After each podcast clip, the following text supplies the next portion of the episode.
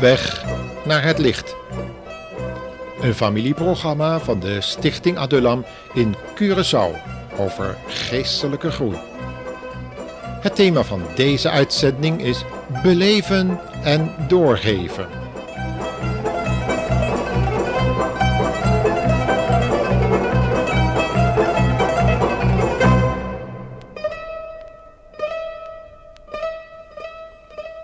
Het was warm een ijsje zou de kwellende dorst wellicht wat kunnen wegnemen. De passerende ijskoman kwam dan ook als geroepen en spoedig deden we ons te goed aan een heerlijk likmaal. Maar het bleef niet bij een ijsje. We kregen een gratis spreekje toe van de jonge ijskoman. Hij bleek nog maar pas geleden tot geloof gekomen te zijn en maakte dankbaar van zijn tijdelijk baantje gebruik om van zijn geloof en redding te getuigen. Iedere ijskoolliefhebber kreeg een boodschap en een persoonlijk getuigenis mee. Hoewel het niet door iedereen gelijkelijk gewaardeerd werd, dwong de moed van de jongeman wel respect af. Hij kwam in ieder geval voor zijn pas verworven geloof uit, en dat zette vele verhitte kopers wel aan het nadenken. En toen kwam er iemand die een discussie wilde aangaan. En de arme jonge man kwam erachter dat hij nog veel te weinig Bijbelkennis had om de aanvallen van de tegenpartij af te kunnen slaan. In een later gesprek bespraken we deze zaak met elkaar. En ik bemerkte dat de schijnbare nederlaag de jonge man alleen maar winst opgeleverd had. En het had hem helemaal niet uit het veld geslagen. Want hij bestudeerde nu des te ijveriger Gods woord en werd natuurlijk daardoor gezegend. Later kon je zien dat het geloof vrucht gedragen had en werd de jonge man naar India uitgezonden met with a Mission, waar hij de harten van de Indiërs won door zijn liefde en toewijding tot en voor de Heer Jezus. Er was duidelijk groei geweest in zijn geestelijk leven. Maar de basis hiervan was gelegd achter dat ijskookkarretje, waar iedere koper het evangelie kreeg te horen. Geestelijke groei. We hebben het in vorige uitzendingen al gezien. Het heeft te maken met gehoorzaamheid, met volgen. Laten we eens zien welke kracht achter deze ontkieming van geestelijk leven werkzaam is. De Bijbel noemt dat het zaad van de wedergeboorte. Petrus legt daarvan getuigenis af in Handelingen 5, vers 32, waar hij tegenover die gevreesde Romeinse soldaten en de Hoge Raad van de Joodse priesters het volgende getuigenis aflegt. Men moet God meer gehoorzaam zijn dan mensen. U hebt Jezus gedood eh, door hem aan het kruis te hangen. Maar de God van onze voorouders heeft hem weer levend gemaakt. Heeft hem aan zijn rechterhand gezet, op de ereplaats. Jezus is verheven tot leider en redder. Hij zal Israël tot God laten terugkeren en de zonden van het volk vergeven. Wij willen daar graag over vertellen. En niet alleen wij, maar ook de Heilige Geest, die God geeft aan wie Hem gehoorzamen. Hier zien we dus het geheim van vrijmoedig getuigen van Jezus en zijn evangelie. Het bezit van de Heilige Geest. Heeft u de Heilige Geest al ontvangen, luisteraar? Toen Paulus eens in de stad Efeze was, ontmoette hij enkele Joodse gelovigen, die zich discipelen van Johannes de Doper noemden. Ze wilden God gehoorzamen en zich voorbereiden op een leven van ascese, zodat de Messias, die Israël verwachtte en Johannes predikte, hen wakende zou vinden. Van het volbrachte werk aan het kruis hadden ze kennelijk nog niet gehoord. En ook niet van de uitstorting van de Heilige Geest. Deze geest wilde immers in elke gelovige wonen, als deze, tenminste in gehoorzaamheid, zijn zonde had beleden en weggedaan, en in geloof het offer van Jezus had aangenomen. Toen Paulus hen hierover dus ondervroeg, merkte hij hun goede gezindheid wel op, maar hij zag tevens dat ze de Heilige Geest nog niet inwonend hadden. En dat is helaas de situatie van veel oprechte gelovigen heden ten dagen. Velen verkeren nog steeds onder de wet van Mozes, die ze krampachtig trachten te onderhouden. En terwijl het niemand lukt God met vrome en goede werken te behagen, blijven vele zich christen noemende gelovigen tobben met de woorden uit Romeinen 7, vers 24, waar het volgende staat: Ik ellendig mens, wie zal mij verlossen uit het lichaam van deze dood?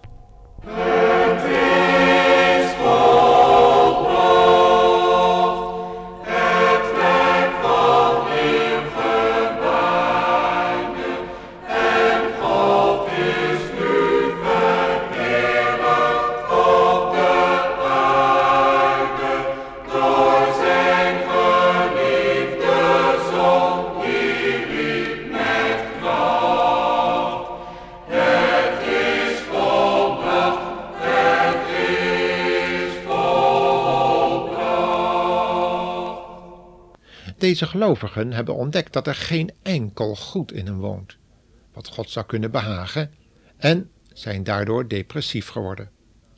Ze bemerkten dat het goede dat ze voor God en de naaste wilden doen, vermengd is met het kwade, waardoor het voor God zonder waarde is geworden. Wat een frustratie geeft dat. Kent u dat gevoel ook, luisteraar? Maar dan heb ik goed nieuws voor u. Jezus Christus is opgestaan zijn offer is door God aanvaard. En daardoor bent u, als u het kunt geloven, vrijgemaakt van de vloek van de wet. Iedereen die immers de wet niet volmaakt houdt, kwam automatisch onder de vloek van deze wet en ging voor eeuwig verloren. Alleen een volmaakte overgave, zoals de Jezus heeft gedaan, kan redding geven. We weten dat veel mensen die zo, zich gevoelen, zoals Paulus in Romeinen 7 zegt, dat die niet veel vrijmoedigheid hebben om te getuigen. Ze ergeren zich zelfs, of op zijn zacht gesproken zijn ze jaloers op mensen die getuigen, zo openlijk op straat of op de markt of waar dan ook. Ze vinden dat hoogst ongepast en zeggen, zoals uh, dat vaak in de praktijk gehoord wordt, dat ze geloven in de kerk doen of in hun binnenkamer. Maar daar is het werk van de Heer Jezus niet voor gegeven. Daar is zijn offer op het kruis niet aan mensen gegeven. Dat offer wat de Heer Jezus gebracht had, is ervoor gegeven dat wij dat zouden aanvaarden en er openlijk van zouden getuigen. Paulus zegt door goed gerucht en kwaadgerucht, door eer en oneer, tijdig en ontijdig zal ik ervan getuigen. Ja, dat wil niet zeggen dat tijdig en ontijdig dat het gaat tegen de wil van mensen of een werkgever. Daar zijn we om te werken. En we kunnen dat in dat werk getuigen door de wijze waarop we het werk doen. Het wil niet zeggen dat we overal maar te pas en te onpas een preek moeten afsteken.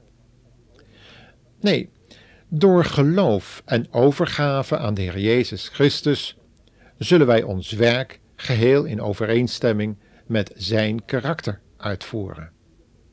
En door datzelfde geloof kan iedereen behouden worden die met ons in gesprek komt en naar dat getuigenis wat we hebben luisteren wil.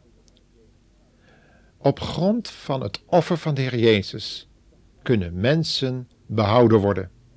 Dat is het thema, steeds weer opnieuw, van het goede nieuws, wat iedere christen in feite met zich omdraagt en als het goed is, predikt.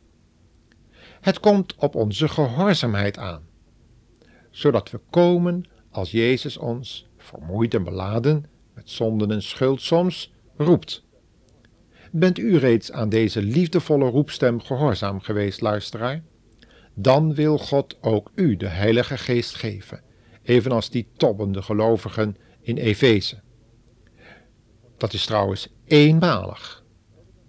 Kort geleden hoorde ik nog dat iemand verschillende malen tijdens een dienst naar voren was gekomen, waarin beloofd werd dat men de handen zou opleggen en dat men dan de Heilige Geest zou ontvangen. De vrouw die naar voren was gekomen had dat verschillende malen gedaan en elke keer weer opnieuw gezegd dat ze een ervaring een vreugdevolle ervaring had gehad. Een warm gevoel was door haar heen gegaan en opnieuw had ze de Heilige Geest ontvangen. Maar ze getuigde zelf dat ze kort weer in een nog diepere depressie was gekomen als daarvoor, en nu was ze helemaal moedeloos geworden. Tja, als we de Heilige Geest ontvangen hebben, dan gaat het allemaal vanzelf. Want dan kunnen we niet nalaten om van de liefde van God te getuigen. Net als die jonge ijskomman dat niet kon nalaten. Lijden, vervolging, honger en het zwaard kunnen ons dan niet scheiden van de liefde van Christus die in ons hart is uitgestort, zegt de apostel Paulus. Omdat Gods liefde blijvend is en niet te niet gedaan kan worden door onze ontrouw.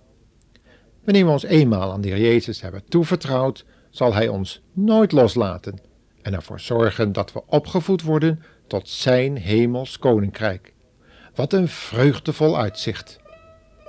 Het bezit van de Heilige Geest geeft ook innerlijk de overtuiging dat we wedergeboren zijn. Leven uit God hebben, zoals dat heet volgens Johannes 1, vers 12.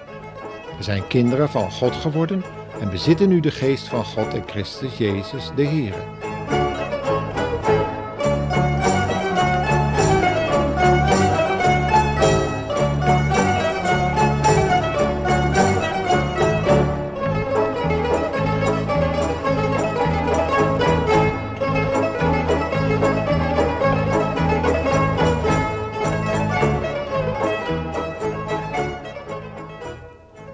Deze geest nog niet bezitten, dan maakt de Heilige Geest de volgende ernstige conclusie in Romeinen 8, vers 9.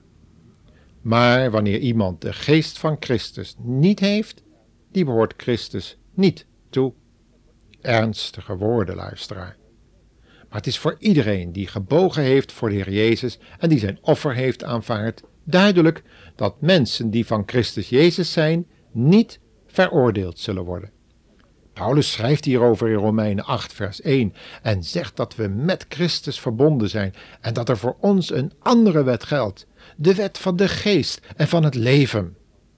En omdat de Heilige Geest gegeven werd om van Christus te getuigen, kunnen gelovigen die deze geest bezitten niet zwijgen van Gods erbarming en liefde.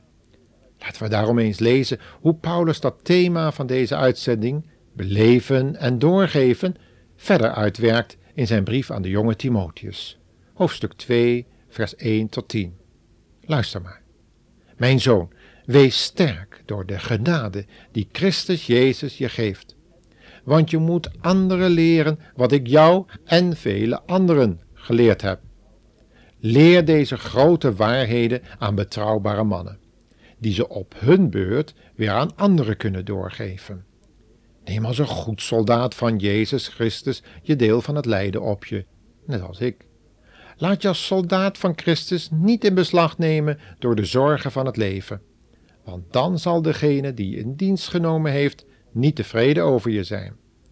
Houd je aan de regels die de Heer heeft gegeven, net als een sportman. Denk goed over deze voorbeelden na. De Heere zal je laten zien wat je er in de praktijk mee kunt doen. We weten het nu. Getuigen in eigen kracht, zonder de hulp van de inwonende Heilige Geest, loopt op een fiasco uit. Maar niet getuigen van de liefde van God in Christus Jezus, eveneens. Jezus zelf zegt hierover in Marcus 8: Wie zich in deze tijd van ontrouw en misdaad voor mij en mijn woorden schaamt, voor hem zal ik mij ook schamen, als ik met de heilige engelen in de heerlijkheid van mijn Vader kom. Maar wij hopen van u betere dingen, luisteraar.